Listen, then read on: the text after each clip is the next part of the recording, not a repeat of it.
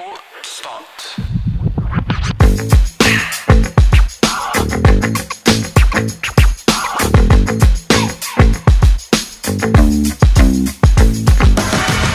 This is Walkie Talkie Podcast. There are some problems that I have to face. I felt that though, Lutfan, you're not alone, don't worry. Try opening another bank account that is specifically for your work program money. This is a bit too much information, but I really love eating. Hey, hey, hey, everyone. Welcome to our second edition podcast from the Financial Corner. My name is Kinan, and I'm not alone nor together with my other friend like in the first podcast, but now there are three people who are with us right now. Hi guys, I'm Sarah. And hi, I'm Dira. And hi, I'm Lutfan. Hi, Shara. Hi, Dira. And hi, Lutfan. So, what's up, guys? How is it going studying here in Malang now that um, we are offline? Hmm, it's fine. It's been great here, but there are some problems that I have to face.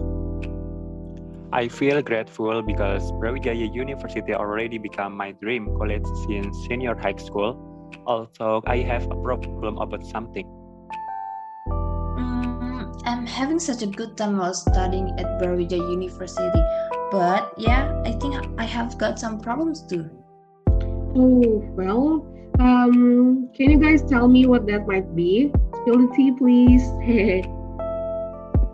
Yeah, since we have to go to our offline lecture every day, we spend a lot on our money and every one of us are far from home, right? So we have to manage our money real good. Oh, I see.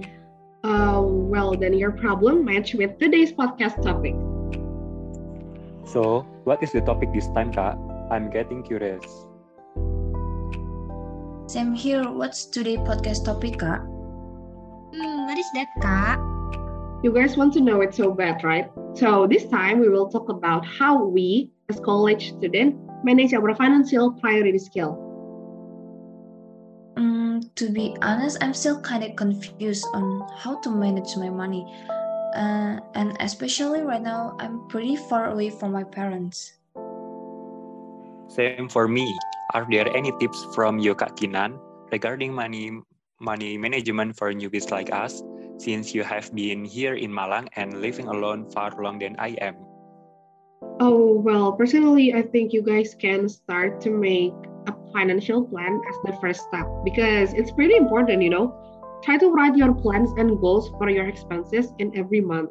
Then you can allocate it to the priority activities that you have to do in every month. Ah, I see. By the way, Kak, I happen to be treasurer of my work program.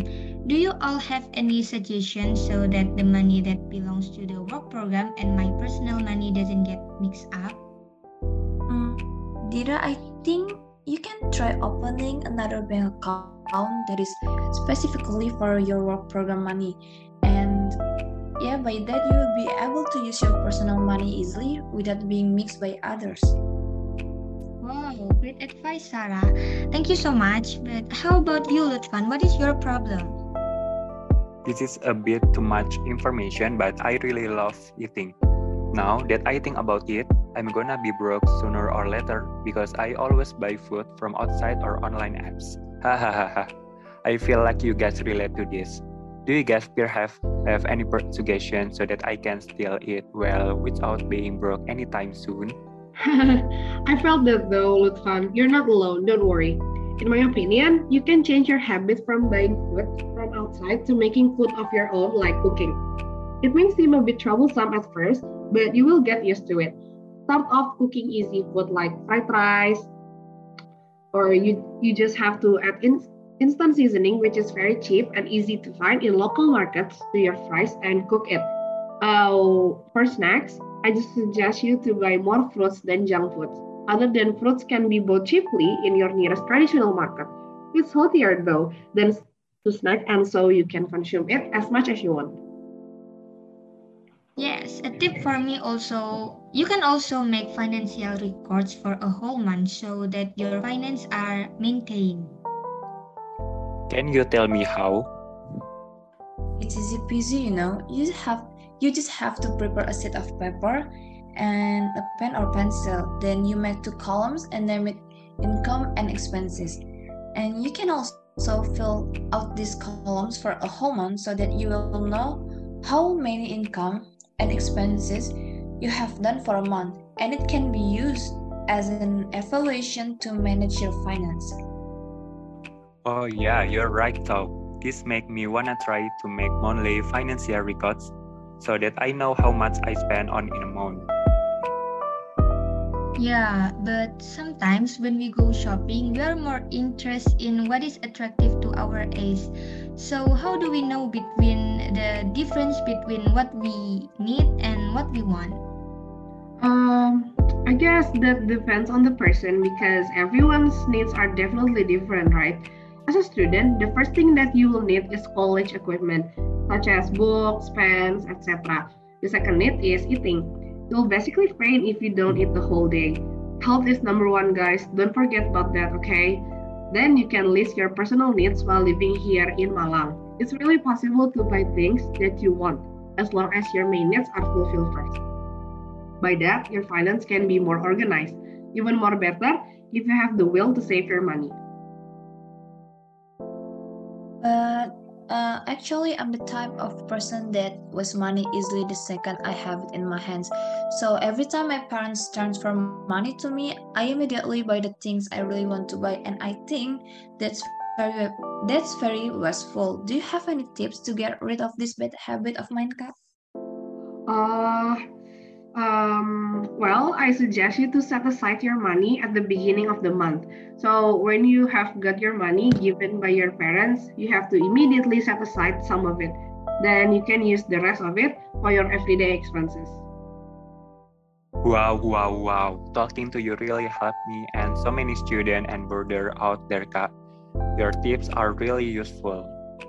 Yeah, that's true. Especially for birders like us, you can really write it in your notes, the tips we have shared. Hey, hey, but guys, remember, not only note it, but also apply it to in everyday activities, okay? Okay. Um, well, all right. I guess that's it for today's podcast. Time sure flew so fast. Thank you for listening our second edition podcast and see you on the next podcast. Goodbye, everyone.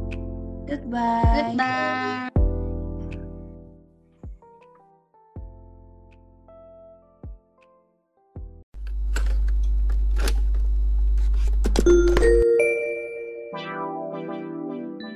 Thank you for enjoying the moment with us through listening this podcast. And also tap our other episode and share it to your mate. See you guys.